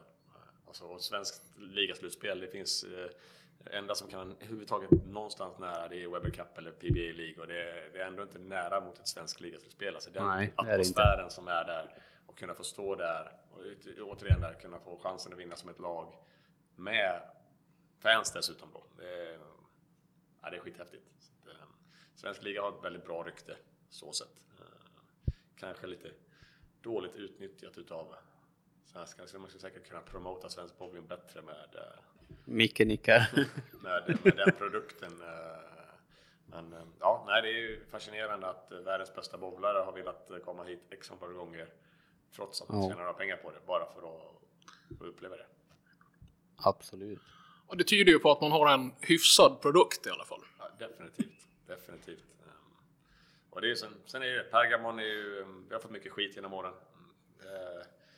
Det är köplag och det är det ena med det andra och de är för bra, det är ingen chans och eh, alltihopa. Men jag tror fortfarande att om man kollar på antalet medaljer i svenska landslaget och eh, hypen som svensk liga har fått sen Pergamon kom så är det fortfarande så jag tror att det är en stor, att Bowling Sverige har skuld till Pergamon. Jag tror inte jag varit i närheten av det annars. Ehm, sen är det klart att ibland så tror jag säkert att vissa tycker att nej, det är ingen idé att kämpa för vi kommer inte ta det ändå. Men, men ehm, Jag ser har man det den mer som inställningen en- då blir det inte bra. Nej, jag ser det mer som en morot. Jag vill klå er. Så ser jag det, men sen... Och det är ju trots allt ett par stycken som har gjort det. Mm. Vad är det de sista 16, år- sista 16 åren som vi fått stryk tre gånger tror jag. Mm. tror att det är, det är fyra till och med. Ja, nu kommer det någon som... Ja, nå- nå- Jag kan det där exakt. Vi har i alla fall fått stryk x antal gånger så Ja. det är, vi är inte oslagbara. Nej, så är det. Ehm, Jag ser fram emot i alla fall att det, att det ska dra igång här nu snart eh, igen, så det är skoj. Det är jättekul att ligan kommer starta. Ja. Det, det gjorde mycket för min del faktiskt och för många andra skulle jag tro. Ja, bara få det någon slags datum att sikta mot. Det är ju... Hoppet lever liksom. Lite ljus i tunneln. Ja, man, man- man har ju förberett sig under det här uppehållet hela tiden på olika sätt, även om det bara är att vila. Bara för att ta en paus från det, men liksom sen man, man behöver det där målet, liksom att det ska starta upp igen. Och det är jäkligt skönt att det har gjort det. Så då blir man taggad på riktigt och köra igång igen. Ja. För det, det börjar snart.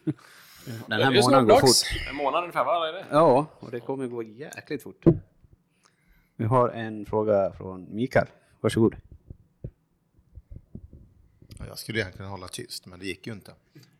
Ja, då, då, då gick mitt bett in i alla fall. Ja, förlåt. Eh, nej, men Pergamon, Martin. Ni är ju så fantastiskt duktiga. Hur kommer ni ut till massmedia med det och framhäva liksom bowlingen, få skapa ungdomar som ser upp till er, hjälpa till så att vi får fler ungdomar i Sverige som börjar spela sportbowling. Hur kan ni hjälpa till i Sverige med det? Ja, vi skulle ju säkert kunna hjälpa till väldigt mycket mer. Alltså vi, eh, det är väl en sak, så många av oss satsar ju så hårt och mycket på bowling, så när vi väl inte är där så, så är vi lite för, för lata för att, för att göra så mycket mer. Uh, när vi kommer ut och spelar, till exempel när vi kommer till Ludvika eller när vi kommer till andra hallar, speciellt som vi varit på innan, så brukar det alltid vara fullsatt och det är jättekul. Men när vi har varit hemmamatcher så är det faktiskt inte speciellt mycket folk. Och så, tyvärr också spelar vi i en hall där vi inte har möjlighet att ha folk, för den är inte, den är inte byggd för sportbowling. Uh, det är ju lite tråkigt. Vi lever ju tyvärr i, i den här världen där vi måste dela våran tränings och tävlingsarena med uh, folk som bara vill, vill ha dit och ha skoj och, och parta. Uh, så det är, lite, det är lite svårt att se proffsiga ut i en bar liksom. ja, det håller jag fullständigt med om. Men typ, hade man kunnat gjort någon Pergamonresa runt om i Sverige? Mm. Ut och på något sätt lyfta fram liksom ni som ändå är så pass stora profiler. Jag vet det finns många i de andra lagen också. Men just Pergamon är liksom känd för profiler. Ni är jätteduktiga. Vi ser ju det uppe i Dalarna att vi har ju Ludvika just nu i elitserien. Men om jag åker och pratar med någon, ja du vet Pergamon.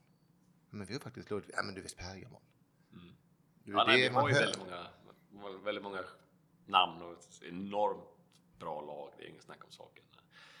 Det är bara att erkänna att det generella, och det gäller ju mycket i bowlingen, om vi snackar för förbundet eller vi snackar för Pergamon eller vi snackar till och med för mig själv. Alltså vi, vi är rätt dåliga på att promota. Alltså det är, vi är vana att leva lite i skymundan. Ehm, det, det, är, ehm, det är någonting som vi skulle behöva bli bättre på generellt som bowlinggren och det går hela vägen ut till, till världsbowlingen också. Och eh, det som jag kan känna lite grann, det har kommit en ny, ny CEO på i World Bowling ehm, och han är definitivt en gubbe som börjar ta tag i det här så att de vill försöka lyfta sporten bowling enormt. Då. Eh, och det är bara att hoppas att de kan lyckas eh, med det. Och det, det, är ju, jag vet inte, det känns som att vi har mycket vi har mycket att lära där jag vet inte riktigt var man ska börja någonstans. Det är nog min... Eh, jag är, inte, jag är inte bra på det du är ute efter. Nej, det, ursäkta om jag ställer mot väggen, alltså, ja, är inte ja, så. Nej, men det är ju, det, jag, man... jag har diskuterat mycket med min kompanjon här på lägret. Thomas. Ja. Mm. Vi har ju förmånen att träffas ganska ofta. Ja. Och vi diskuterar mycket det här med hur ska vi locka folk och in i hallarna och med dagens teknik, det finns appar och, mm och ja, just massmedia och komma ut synas någonstans i tv-kanaler. Hade vi kunnat gjort det i Sverige, tror du? Absolut. Så det egentligen borde det vara en bra tv-sport. Vi är fruktansvärt eh, dåliga på att tala om för folk vad som är svårt, vad som är lätt, varför är bowling så komplicerat och vad, vad gör det liksom, vad, material, allt, alltihopa liksom. Folk vet inte någonting om, om bowling. Och det kan vi inte skylla dem för, så det måste vi bli bättre på helt klart. Sen tror jag tyvärr, jag, jag, jag har fått för mig att tyvärr, pengar är jättemycket i dagens samhälle. Ehm, jag kan inte riktigt förstå hur det kan vara kul att titta på folk som spelar kort men det är jättekul att kolla på poker om du vet att han vinner en miljon dollar, den som, som sitter där. Spelar han för skojs skull tror jag inte det är lika mycket. Ehm, så, så kan vi få upp sporten liksom så här, den här är världens bästa bowlare. Han vann just, världens största tävling. Hur många miljoner fick han då? Ja, han fick en, kan, kanske en halv, nära, nära en halv. Det är mycket pengar också. Men om man kollar på överallt annars så är det så himla långt ner på listan. Ehm, så jag, jag, vill tro att en del av det handlar om, handlar om pengar också. Tyvärr liksom. Man, man, folk idag lockas av grejer som man kan tjäna pengar på. Ehm, och det är svårt inom bowlingen. Men man kan ha väldigt mycket kul. Ehm, och, och, och där vi, vi, har, vi kan inte trycka på det här med pengar, vi måste trycka på något annat. Som vi inte gör. Vi har ju dig nu Micke. Så att... ja, jag köper det fullt ut. Jag ibland har jag ju lite kontakt inom massmedia. Mm. Jag ringde ju en av kvällstidningarna igår mm. för att bad dem komma upp och skriva om Europas största bowlingläge som finns här i Dalarna, uppe i Mora just nu. Mm. Då får jag liksom till svar av den här reporten att ja, men, du vet, skriva om bowling. Finns det någon som vill läsa om det? Du vet, vi skriver ju aldrig om det. Nej. Och jag bara, men det är just därför vi ringer. Och frågan om det är fler runt om i bowling som tar upp luren och ringer och försöker få hit dem till sina hallar, skriva om bowling. Jag tror säkert att det finns de, de, de som, eh, de som vill liksom. Men det är just den här grejen som säger liksom. Hur många är det som vill, vill, vill läsa om det? Så kan man få upp det här så att, man, så att VM får lite mer prestige, så att de vet att Sverige är bra VM. Nu, nu är vi inte i OS så det kommer att vara, men eh, till exempel curling då liksom. Det är, det är många som inte har en aning om vad curling är. Men när det är dags för vinter-OS och svenska curlingslaget är grymt. Det får ju ett enormt uppsving. Um, så, uh, jag tror även om, även om viljan och, och, och försöket skulle verkligen finnas så tror jag att det behövs den här liksom verkliga uh, ett stort VM eller ett, ett, någonting som man kan pusha för ordentligt. Uh, då. Det, det, jag tror att det är på väg åt, åt, åt rätt håll, men det är en enorm konkurrens idag också. Det är så många idrotter. Till, inte bara idrotten, utan e-sport, alltså dataspel och det är kortspel och allt möjligt. Det finns så mycket att se idag så det, det är, det är tuff konkurrens. Jag håller fullt med dig. Men då måste vi slänga någon känga åt något håll igen. Jag gör mm. det ibland. Jesper Svensson mm. var det lilla bragdguldet. Mm. Eh, Josefin Hermansson och hennes kompis Jolin. I, Jolin i fjol. Vad gjorde Svenska Bowlingförbundet för PR på det? Har vi sett någonting tro? Nu, nu ska jag lämna bort micken så att jag säger för mycket här. Jag behöver inte säga så mycket. Jag, jag, har, jag har inte mycket att tillägga. Jag tror inte jag har sett så mycket av det där. Så att, eh, visst, visst är de värda en liten känga där, förbundet. Det, det tycker jag är... Um, vi, har, vi har väldigt, väldigt många duktiga bowlare i Sverige för att ha så lite, för att ha så få. Eh, eh, och, och förbundet gör jättemycket bra grejer, men eh, de, precis som vi, de är usla där. Så är det bara. Det, jag tror inte att de kan säga emot mig tyvärr. Det tror inte jag heller. Men ja. Jag vet inte ens om de kommer höra det här. Jag vet inte hur stora den här podden är. Är, de så, är vi så stora? Micke, Micke nickar. Efter, efter det här avsnittet så kommer vi vara det. Ja, det hoppas jag.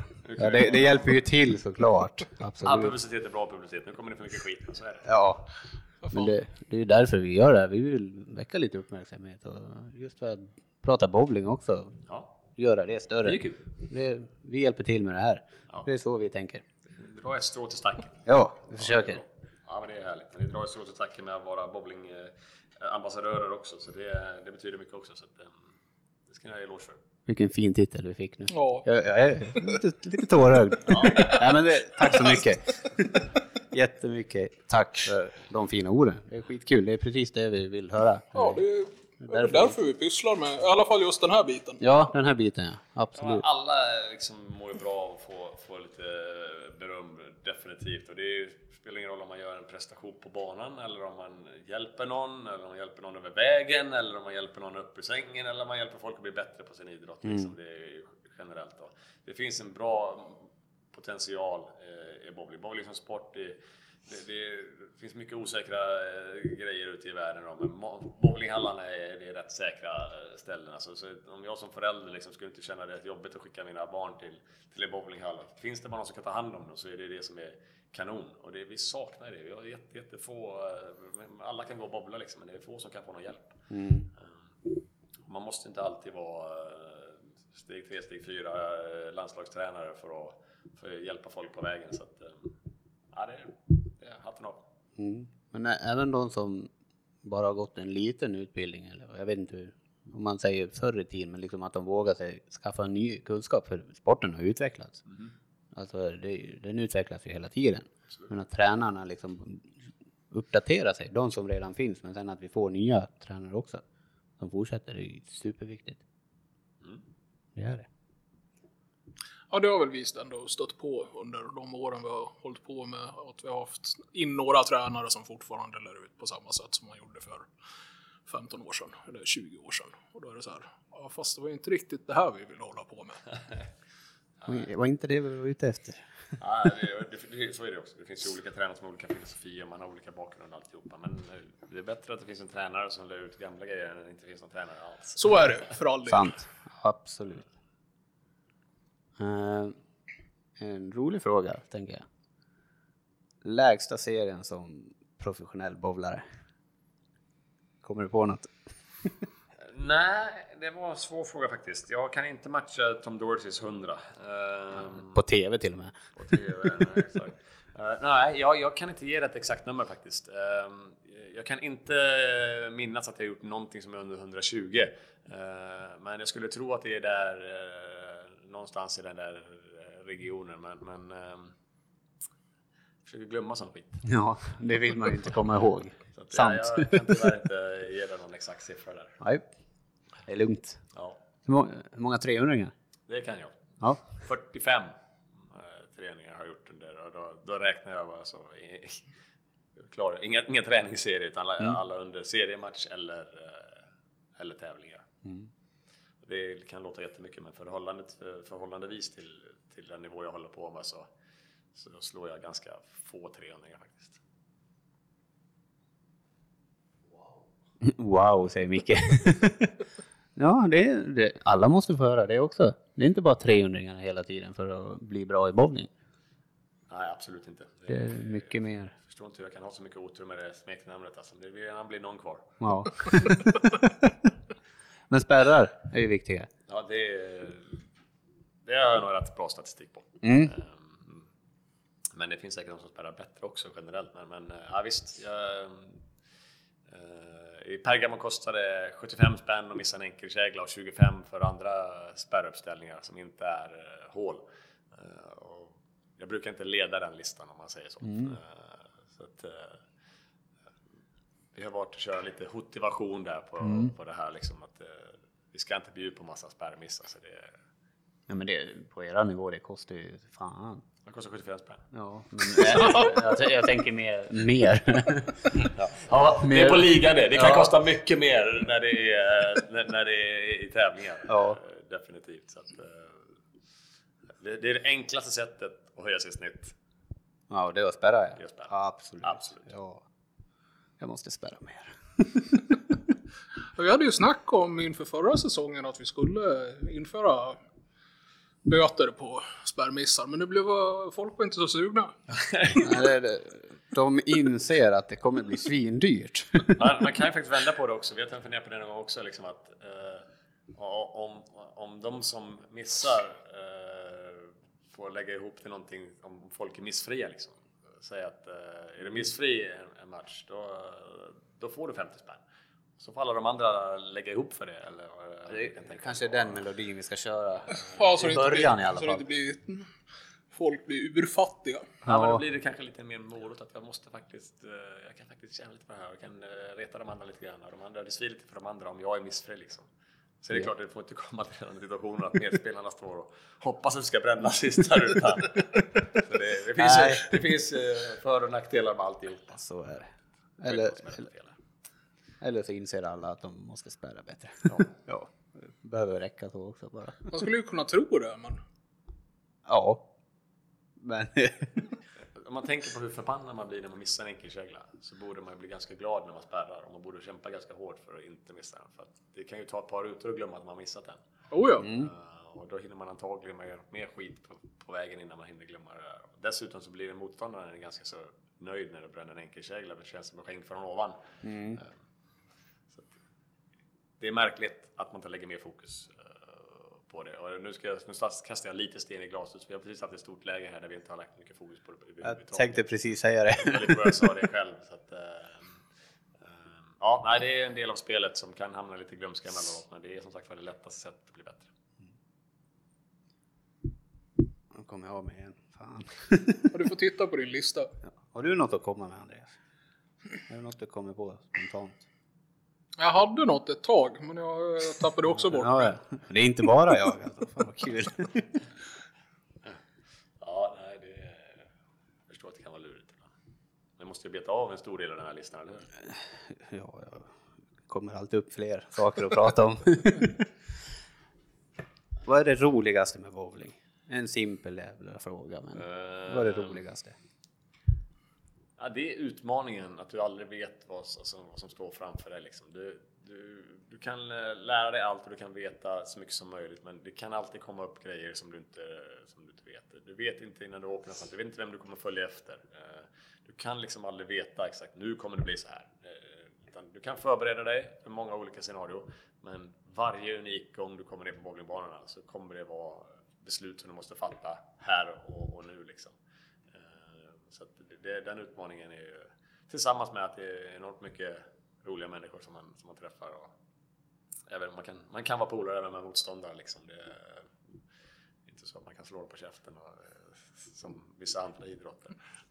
Nej, det är, men det är just, eh, jag tycker den... Eh, överhuvudtaget, om man ska göra samma grej hela, hela tiden så tycker jag det blir tråkigt. Eh, och bowling är definitivt inte så. Även om folk tror att det är bara att kasta ner klot hela tiden så, så blir det aldrig likt. Liksom.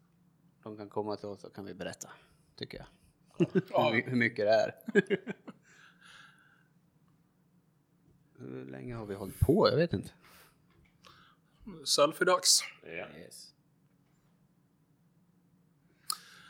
Um, jo, jag tänkte på, eh, för att relatera tillbaka till ett av våra tidigare avsnitt med så psyka motståndare och tjuvknep under både seriespel och tävlingar. Bra. Eh, vi, vi roar oss ju med våra grejer på våran nivå, men hur vanligt är det liksom där uppe? Kan jag få något tips eller? ja, den vill inte det hållet. Den är växtkommunikation. Nej då, Eh, nej, det är, det är klart att det händer. Ehm, det händer både i individuella tävlingar och det händer i i seriespelet generellt. Jag menar, Belmo fick en jävla massa skit här för ett, eh, något år sedan. För de kallar han bottle bitch. Ja, vattenflaskan ja. Han påstod att det var med, oflit. Jag ska låta det vara osagt. Ehm, ehm, Vi får fråga han själva sen. Duke har tusen grejer när han spelar med någon som spelar bra. Det tejpas om och det springs dit och han ska... Jag har sett han... eh, Jag har sett han hämta klot och bara lägga den i väskan bara för att det ska ta tid att hämta klot. Jag har sett han ta... eh, Vet du det? Om, jag, om, om någon står och snackar med en ballrap så kommer han in emellan liksom. Och han behöver ska inte veta ett skit egentligen men han vill, vill bara ta uppmärksamheten. Och det finns massa sådana grejer på, på touren. Eh. Och, i, och i svensk liga finns det ju också mycket tjuvknep. eh, Men, men faktum är att jag tycker det har blivit mindre generellt. eh, Det var, det var mer tjuv och rackarspel förut. Eh, Men jag, jag, jag tycker bowling är en ganska ren sport för att säga. Så det är, jag tror inte det är många som kan matcha fair play med, med, med bowlingen. Och sen, eh, det, det, det är små, små grejer om man jämför. Liksom. Det är inga glidtacklingar. Nej, det är det är inte någon annan som kan skada dig i alla fall. Eh, nej, Förhoppningsvis. det fixar jag själv. ja. Det fanns ju de som slog sig själva. Det, är, ja, det, har, det har ju hänt. eh, det var VM i Thailand. I den officiella träningen så provsvingar Barnes. Precis då gick Ilmar Ruiz förbi med en boll i handen. Och hans pekfinger hamnade mitt emellan där. Så att det, var inget, det var inget skönt VM för Ilmar och han spelade med spräckt ring, eller pekfinger. Men det, det var ju en olyckshändelse, det var, ingen, det var inte med flit. Eller? Ja. Eller? Wow. Ja, alltså jag, jag kan ju faktiskt inte på något sätt tycka att det är för jäkla mycket tjuv och rackarspel. Det, det finns lite små grejer men det är ganska, ganska Ganska oskyldigt. ja, det får jag säga. Det var, jag hade en bekant som kollade på en av våra matcher. Hon, hon visste ingenting om bowling. Hon fattade inte varför jag gav en high five till motståndaren. Vad fan i helvete håller du på med? Så kan du inte göra. Du har inte sagt till henne att du hade corona på handen? Det var, det var, det var innan corona. Tyvärr. Skulle ha gjort det när han typ missade en spärr eller någonting. Den måste ändå vara ganska psykande. Ja, Han kommer tillbaka. och sen dra undan. Jag brukar säga det när vi spelar golf att eh, när, man, när, de, när de andra är i bollen, liksom, när vi spelar lite små grejer, när de börjar eh, hoppas att bollen ska gå i, då vet man att det har gått dåligt. de börjar tycka synd om en. Liksom. Så Det ser kan ju det vara sådana imorgon. grejer också liksom, givetvis. Att, eh, man, som du säger, sträcker fram handen när precis har bränt- bränt en enka eller någonting. Liksom, Mm. sådana här grejer. Ja. Ja, jag vet inte. Känner vi oss lite nöjda? Det är del ett det här också. Ja. Du får, du får, du får komma tillbaka. Ja, jag ser fram emot det alltså, definitivt. Jag ser också fram emot lite mat här nu. Det börjar, kväll, det börjar gå mot kvällen, vi har haft en lång dag. Det är lite det jag tänker liksom. Du har pratat nästan hela dagen och hjälpt till och hållit Inte utan igång. att det börjar kännas som lite sand i munnen. Ja, eh, det är så för min del också. Så tänker vi, vi avrundar. Vi kör del ett. Ja, fortsätter en, ett annat tillfälle. Ja. We continue. Ja, nej, jag, jag tackar grabbar, tack för att ni ville ha mig. Det var, eh, jag är beredd att göra ganska mycket för, för bowlingen. Om vi har några som tycker det här är kul att lyssna på så är det kanon. Eh, så att, och vill man följa mig på min färd i bowlingen så finns det både på Instagram och Facebook och hemsida och lite allt möjligt. Så att, eh, är man- då är välkommen att tagga på liksom. Så att, eh, sen hoppas jag att, eh, att eh, corona försvinner och bowlingen kommer igång och att eh, önskar er stor lycka när- det drar igång här och så hoppas jag att Rättvikshallen öppnar igen. Ja, Micke och Mora kommer inte klara av alla ja, men stort tack för att du ville vara med. Ja, jättestort tack och lycka till framöver. Med. Vi får se vad framtiden har att erbjuda. Hashtag, hur fan kan det stå? Ja, Precis. där har vi det. Tack grabbar! Tack Ja, själv. tack. Ha det! Ha det. Hej!